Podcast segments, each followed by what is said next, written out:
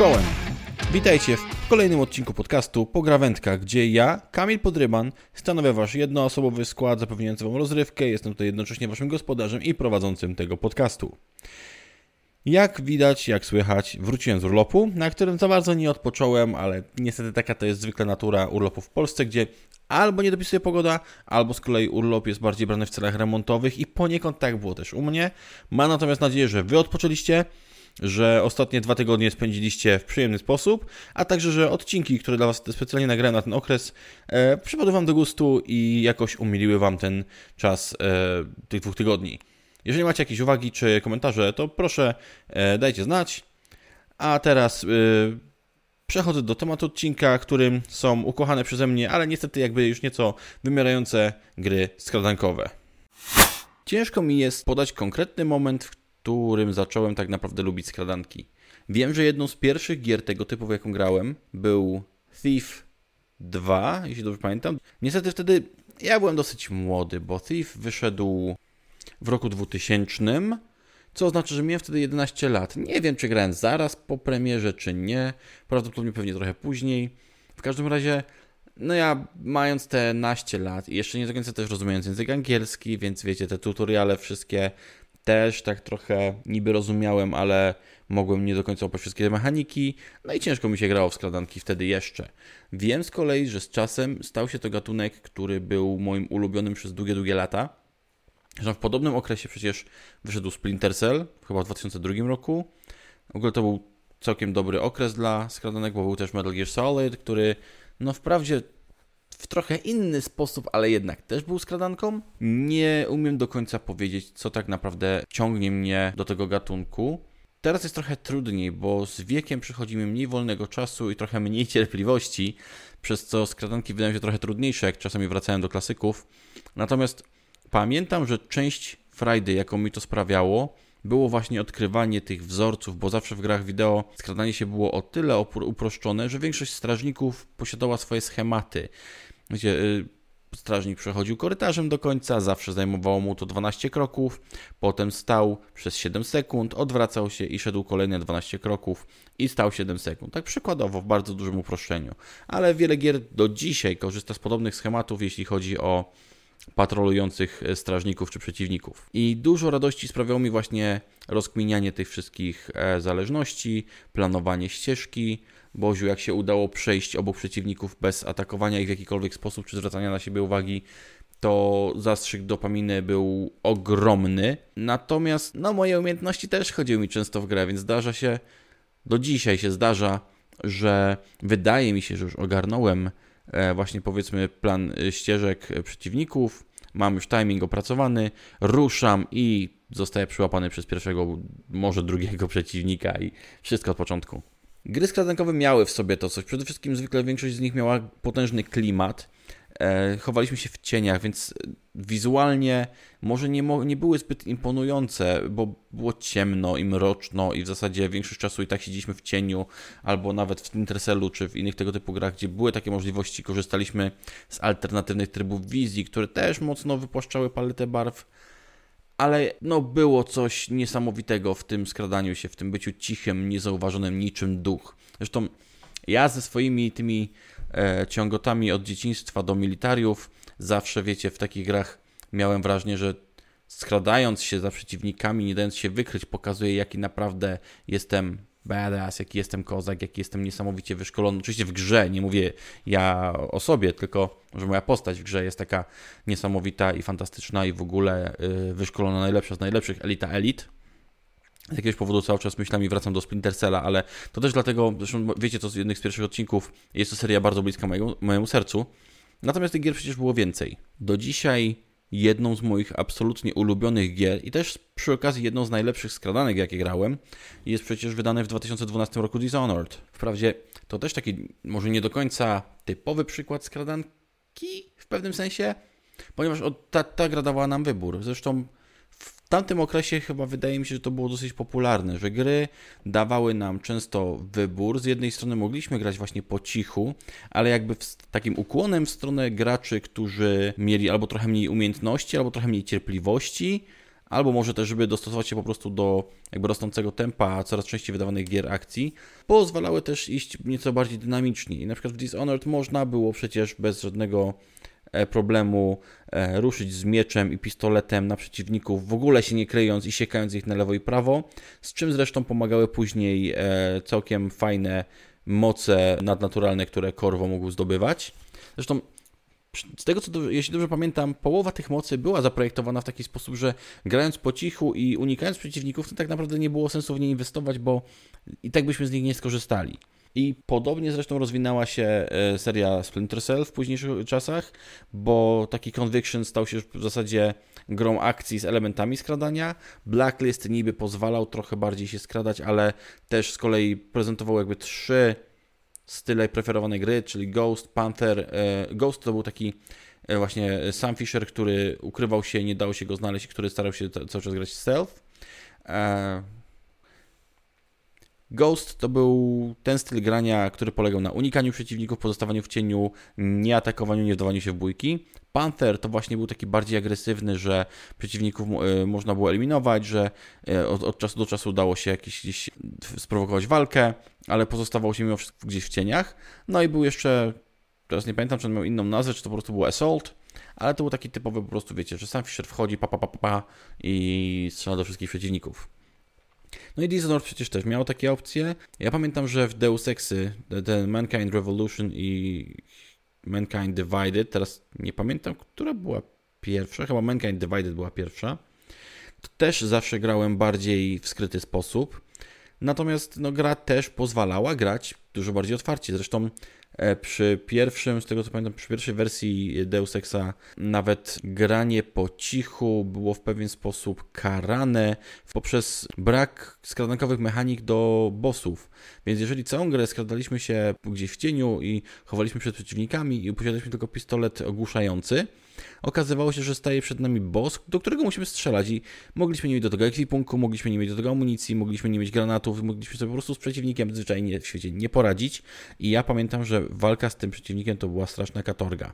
Podobno w późniejszej wersji, w którejś tam Director's Cut czy czymś dodano aktualizację, która te walki z bossami poprawiała i można było już za pomocą tych skrytych technik sobie z bossami poradzić. Niemniej to był jeden właśnie z tych przykładów, gdzie gra akcji była bardziej, znaczy gdzie gra e, agresywna, gdzie gra bardziej dynamiczna, była nieco bardziej premiowana od tej skrytej wersji gry. Chociaż tutaj z kolei powrócę jeszcze na sekundkę do Dishonored, było ciekawe odwrócenie tej roli, ponieważ e, sposób w jaki graliśmy odzwierciedlał się był odzwierciedlony w stanie świata, który zastaliśmy. I nawet można to wyjaśnić nie tylko decyzjami twórców o grze, ale również jakby z punktu widzenia świata, takiego e, w taki watsoński sposób. Nie wiem, czy po polsku też to się tak tłumaczy. Bardzo często w każdym razie, jeśli chodzi o jakieś problemy w grach, spotykam się z dwoma rodzajami wyjaśnień, które są określone jako Watsonian oraz e, Doylist to pochodzi od Sherlocka Holmesa, gdzie mieliśmy postać Watsona, czyli postać, z której perspektywy wszystkie powieści były pisane i ona była też pomocnikiem Sherlocka Holmesa, detektywem, e, który był w świecie, oraz Doyle, no to był Arthur Conan Doyle, czyli autor książek, więc e, te rodzaje odpowiedzi wynikały z tego, że Watsonian to była odpowiedź jakby z takiego punktu widzenia w świecie gry albo książki, natomiast Doylist była taka meta odpowiedź, czyli z punktu widzenia autora, pisarza, czytelnika. I w każdym razie właśnie w Dishonored e, polegało to na tym, że im ciszej byliśmy, im mniej przeciwników zabijaliśmy, im bardziej się skradaliśmy, tym stan świata e, był nieco lepszy. Z kolei jeżeli na swojej drodze zostawialiśmy masy trupów, to wtedy stan świata się pogarszał. Było na ulicach więcej tych zakażonych ludzi, którzy zachowywali się jak zombie. Było więcej tych krzeżerczych szczurów, które potrafiły zamordować człowieka grupą w ciągu kilku sekund. Było więcej patroli. I to też można było wyjaśnić w ten sposób, że no, im więcej trupów, tym więcej pożywki dla szczurów, im więcej szczurów, tym więcej zakażonych ludzi, im więcej zakażonych ludzi, tym więcej koniecznych patroli, straży, żeby utrzymać porządek. I to było fajne rozwiązanie, które premiowało nieco właśnie bardziej granie w ten sposób skradany. Natomiast problem jest taki, że w pewnym momencie te skradanki przestały być wydawane i zgaduję, że jak zwykle chodzi o pieniądze, czyli po prostu te gry nie przynosiły odpowiednich dochodów, bo owszem, mieliśmy potem Dishonored 2 i nawet ten dodatek Mark of the Outsider, Death of the Outsider, tak, Death of the Outsider właśnie. Ostatni Splinter Cell no to był 2013 rok z Blacklistem. Deus Exy skończyły się w 2016. Metal Gear Solid 5 wyszedł w 2015. A to też nie zawsze do końca była gra skradana, chociaż w sumie no, Chociaż nie, no w zasadzie no, Metal Gear Solid 5 to była też głównie skradanka. No ale potem co? Potem mamy trochę przestój, trochę ciszę. Wprawdzie jakby pogrzebać wystarczająco, to znajdzie się trochę więcej tytułów, ale nie ma ich już tak wiele, bo z takich najnowszych tytułów, gdzie skradanie jest bardzo istotne, to ja kojarzę tak naprawdę The Last of Us oraz, e, no powiedzmy, że jeszcze drugą część liczymy w to, no bo The Last of Us jest też 2013 i 14 chyba rok, jeśli chodzi o tę wersję na PS4. E, no i Ghost of Tsushima bodajże 2020 roku, gdzie też jednak gra premiowała skradania się.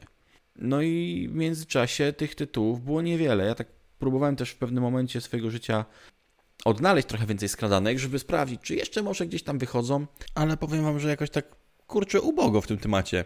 Moje poszukiwania doprowadziły mnie m.in. do tytułu, z którym wcześniej nie miałem styczności, do Styx Master of Shadows, który wyszedł w 2012 roku. No i problem jest z tym taki, że on otrzymał sequel w 2017 roku, Styx e, Shards of Darkness, który otrzymał nawet niezłe oceny, ale o kontynuacji nic nie wiadomo, a przynajmniej ja nic nie wiem, więc seria prawdopodobnie albo tkwi w miejscu, albo przepadła.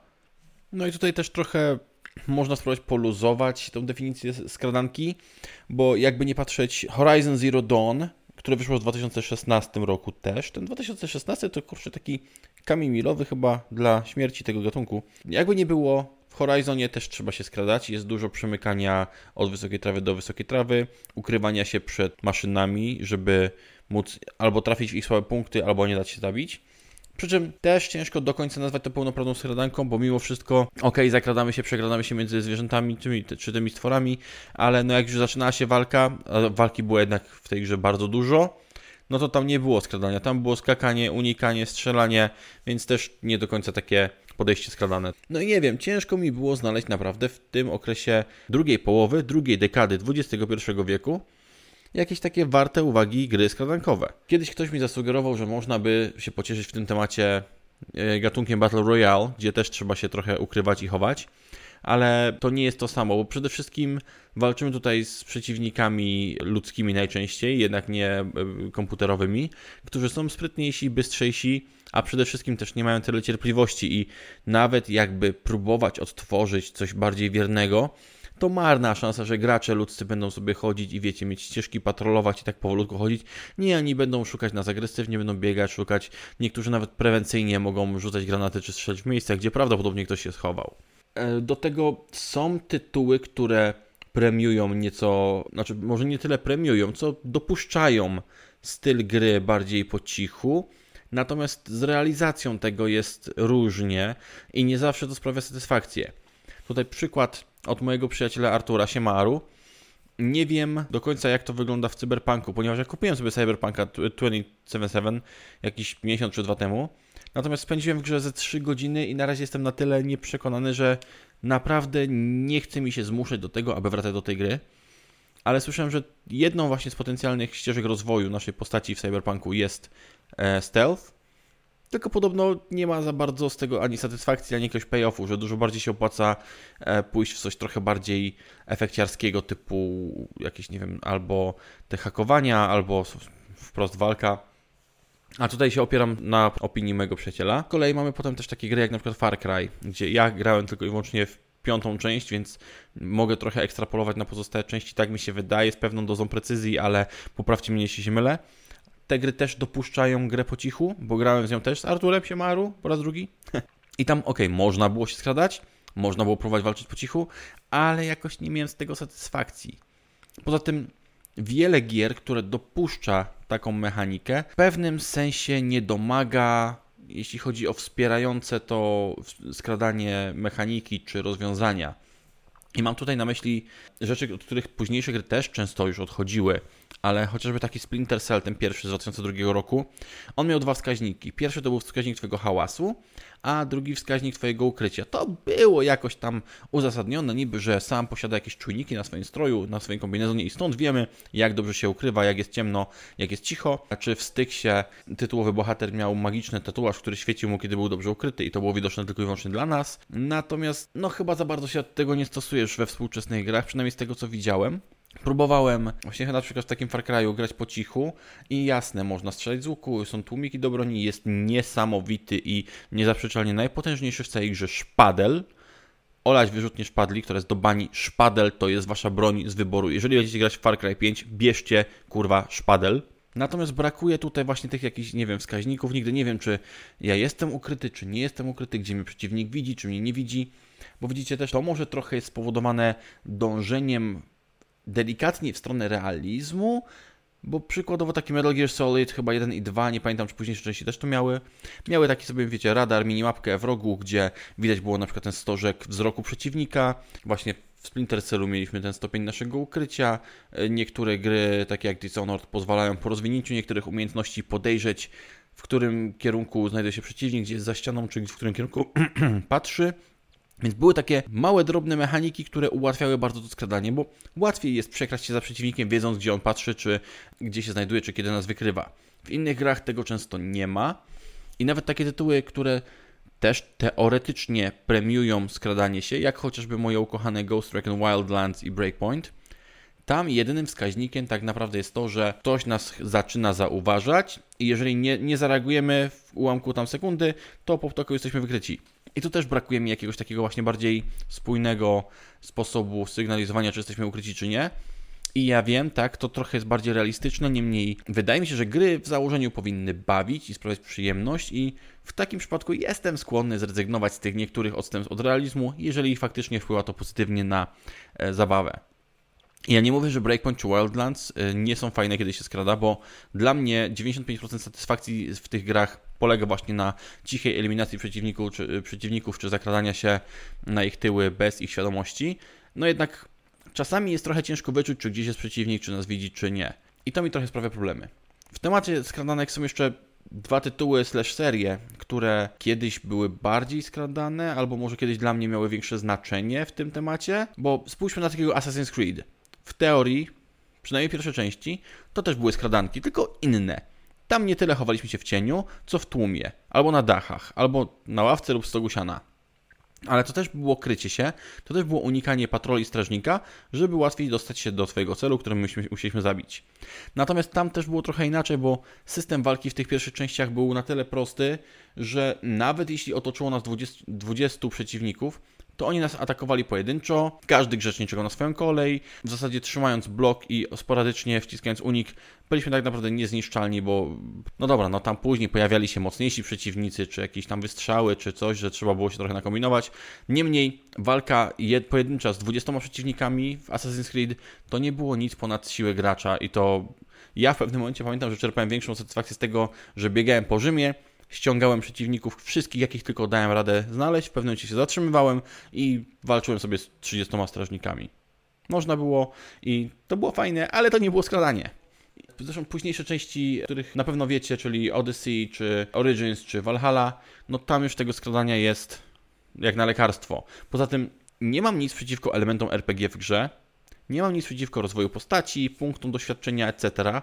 Natomiast jeżeli ja zakradam się do przeciwnika, Stoję nad nim, te 3 metry nad jego głową, skaczę na niego z wysokości i widzę, jak mój bohater wbija mu sztylet prosto w kark. A przeciwnik mnie kurwa zrzuca i zaczyna mnie, mnie napierdalać.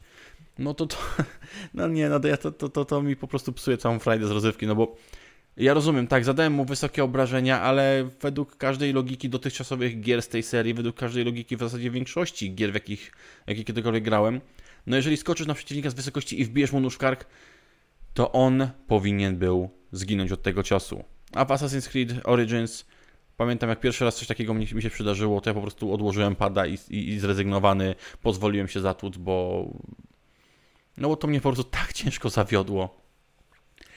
I nie wiem, nie potrafię tego przeboleć. Miałem chyba jeszcze dwie próby powrotu do serii i jakoś za każdym razem, ja mam chyba złe nastawienie na to, po prostu powinienem się nastawić na kolejnego RPGa, może wtedy by mi się grało lepiej, a ja cały czas gdzieś w środku mam to, że chciałbym się trochę poskradać, chciałbym kogoś z krzaków tam zaatakować i załatwić i może to psuje mi frajdę z tej gry. Drugą z kolei serią, o której warto wspomnieć w tym temacie skradanym, jest seria Hitman, bo to jest niezaprzeczalnie seria gier skradanych, natomiast to jest też innego rodzaju skradanie. To też nie jest chowanie się najczęściej w cieniu, w ciemności. Owszem, Tobias Reaper chowa się gdzieś tam za jakimiś osłonami, ale najczęściej jednak nasze skradanie się polega na tym, że przebieramy się za przeciwników, ewentualnie kombinujemy jakieś pułapki, żeby dorwać nasz cel i okej, okay, działamy skrycie, działamy tak, żeby nas przeciwnik nie wykrył, ale nie jest to takie skradanie, o jakie mi chodzi. Przy czym nie zrozumcie mnie źle. Ja, ja grałem jak dotąd w jedynkę, dwójkę, Contracts, Blood Money, uh, Absolution i tego Hitmana z 2016 roku. W każdej z tych gier, chociaż są od siebie często różne i nieco odbiegają od siebie poziomem, w każdej z nich bawię się świetnie, w każdej czułem się jakbym grał w skradankę, ale to jest inny rodzaj jednak skradanki od tych, o które mam cały czas na myśli, takie właśnie jak Dishonored, czy Splinter Cell, albo Thief. To nie jest po prostu ten sam rodzaj skradania. Niemniej warto mieć tą serię na uwadze, bo pierwsza, druga i trzecia część, czyli te, te, ta nowa trylogia Hitmana, która wyszła po 2016 roku, one ogólnie generalnie zbierają bardzo pozytywne oceny. Z tego co widziałem, one wszystkie są bardzo do siebie podobne, e, tylko oferują coraz więcej opcji i więcej obszarów, więc to zawsze na plus. Natomiast najczęściej, jeżeli jakieś oceny są zaniżane, to bardziej za praktyki wydawnicze, bo nie wiem, czy nadal tak jest, ale na przykład z Hitmanem pierwszym było kiedyś tak, że ja kupiłem grę w pudełku i się okazało, że dostępne były tylko pierwsze cztery misje, bo pozostałe były schowane za jakimś season passem czy czymś tego typu. I to jest bardzo chujowe rozwiązanie. Natomiast wiecie, jeśli chodzi o same skradanki, no to ciężko mi znaleźć coś innego, co by w tym momencie podrapało ten, e, to, to, to swędzenie, które mi jest, ale to jest beznadziejna kalka językowa, przepraszam Was bardzo. Po prostu nie ma dla mnie w tym momencie gry. Jeżeli jakąś znacie i możecie polecić, to ja bardzo Was proszę, abyście to, to zrobili. Udajcie się albo na profil pograwędki na e, Twitterze, albo później podam jeszcze adres mailowy i tam dajcie znać, o, e, jakie skradanki e, znacie, których ja mogłem nie znać albo o których zapomnieć. I po prostu brakuje mi gry, która no, zaspokoiłaby tą potrzebę y, chowania się w cieniu, tak jak te starsze gry. Bo ile można wracać do tych klasyków, ile można powtarzać te same tytuły, ile razy mogę przecież przechodzić po raz kolejny te same gry. Zwłaszcza, że kubka wstydu cały czas rośnie. No bo tak to co, sprawdzałem jeszcze Sniper Elite, no, jeszcze piątej części nie sprawdzałem, ale grałem na pewno w trójkę i czwórkę. I jasne, jest fajnie, też można się trochę poskradać, tylko tam z kolei najwięcej dzieje się w ciągu dnia na otwartej przestrzeni. Poza tym strzelamy snajperkami, które są dosyć głośne, więc to tam też to jest inny rodzaj skradania. I nie mówię, to jest też fajne, ale nie do końca to, czego szukam. Po cichu liczę na to, że może Golum będzie tego typu grom, ale to jest temat, którego wolałbym nie ruszać. No i co nam zostaje? Tak naprawdę nic, co ja bym znał. I jeszcze niby gdzieś tam po cichu jest pojawiały się jakieś plotki o tym, że ma pojawić się remake Splinter Cella, natomiast ciężko mi jest wykrzesać z siebie entuzjazm w tym temacie, patrząc na to, co się dzieje w Ubisoftie ostatnimi laty i jak wyglądają ich najnowsze projekty oraz próby y, wskrzeszeń innych serii, e, bo z tego co wiem, piaski czasu chyba już umarły totalnie, albo zostały odłożone gdzieś tam hen daleko. Zamiast tego dostaniemy Lost Crown, który jest fajny, ale jest zupełnie inną, innym rodzajem gry. E, więc też nie wiem, czy na tego Splinter Cella jest warto się nastawiać. I nawet jeśli, to nie wiem, czy to będzie przypominało coś w stylu pierwszego Splinter Cella, czy Blacklist, czy coś jeszcze zupełnie innego. Ciężko stwierdzić. Dlatego jeszcze raz proszę, jeżeli znacie jakieś fajne skadanki, dajcie znać. I proszę nie sugerujcie, nie sugerujcie mi Hello Neighbor, bo sprawdzałem to szukając jakiejś fajnej skradanki i to była jedna z najgorszych gier, w jakie mi się zdarzyło grać w ciągu ostatnich kilku lat. Gra jest beznadziejna, jest e, totalnie nieintuicyjna. Mimo, że to jest skradanka, to ona też totalnie nie ma żadnego w ogóle interfejsu, który to skradanie by wspierał.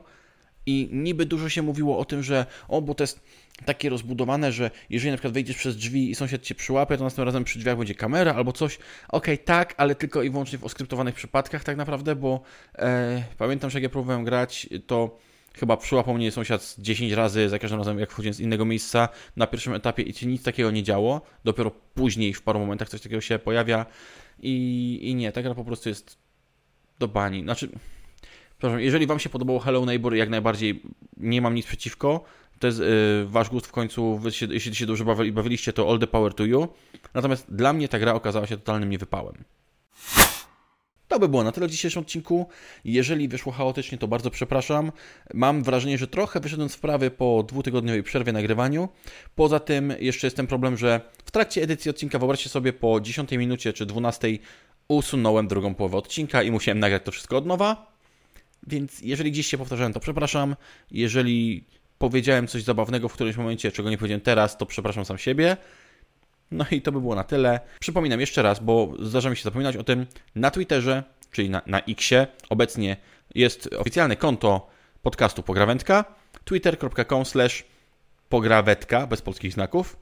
Ewentualnie, jeżeli chcielibyście mi wy- wysłać jakąś prywatną wiadomość albo coś dłuższego, nie wiem, jakąś falę krytyki albo pochwał, czemu nie, też chętnie przyjmę, to aby założyć konto na Twitterze, założyłem też maila pograwędka, pograwetka, małpa, gmail.com więc tam też możecie wysłać do mnie wiadomości. Od razu lojalnie uprzedzam, ja tego maila zbyt często nie sprawdzam, ale obiecuję, że po publikacji tego odcinka będę sprawdzał go przynajmniej raz dziennie. Dobra, w takim razie do zobaczenia w przyszłym tygodniu. Mam nadzieję, że bawiliście się dobrze i na razie.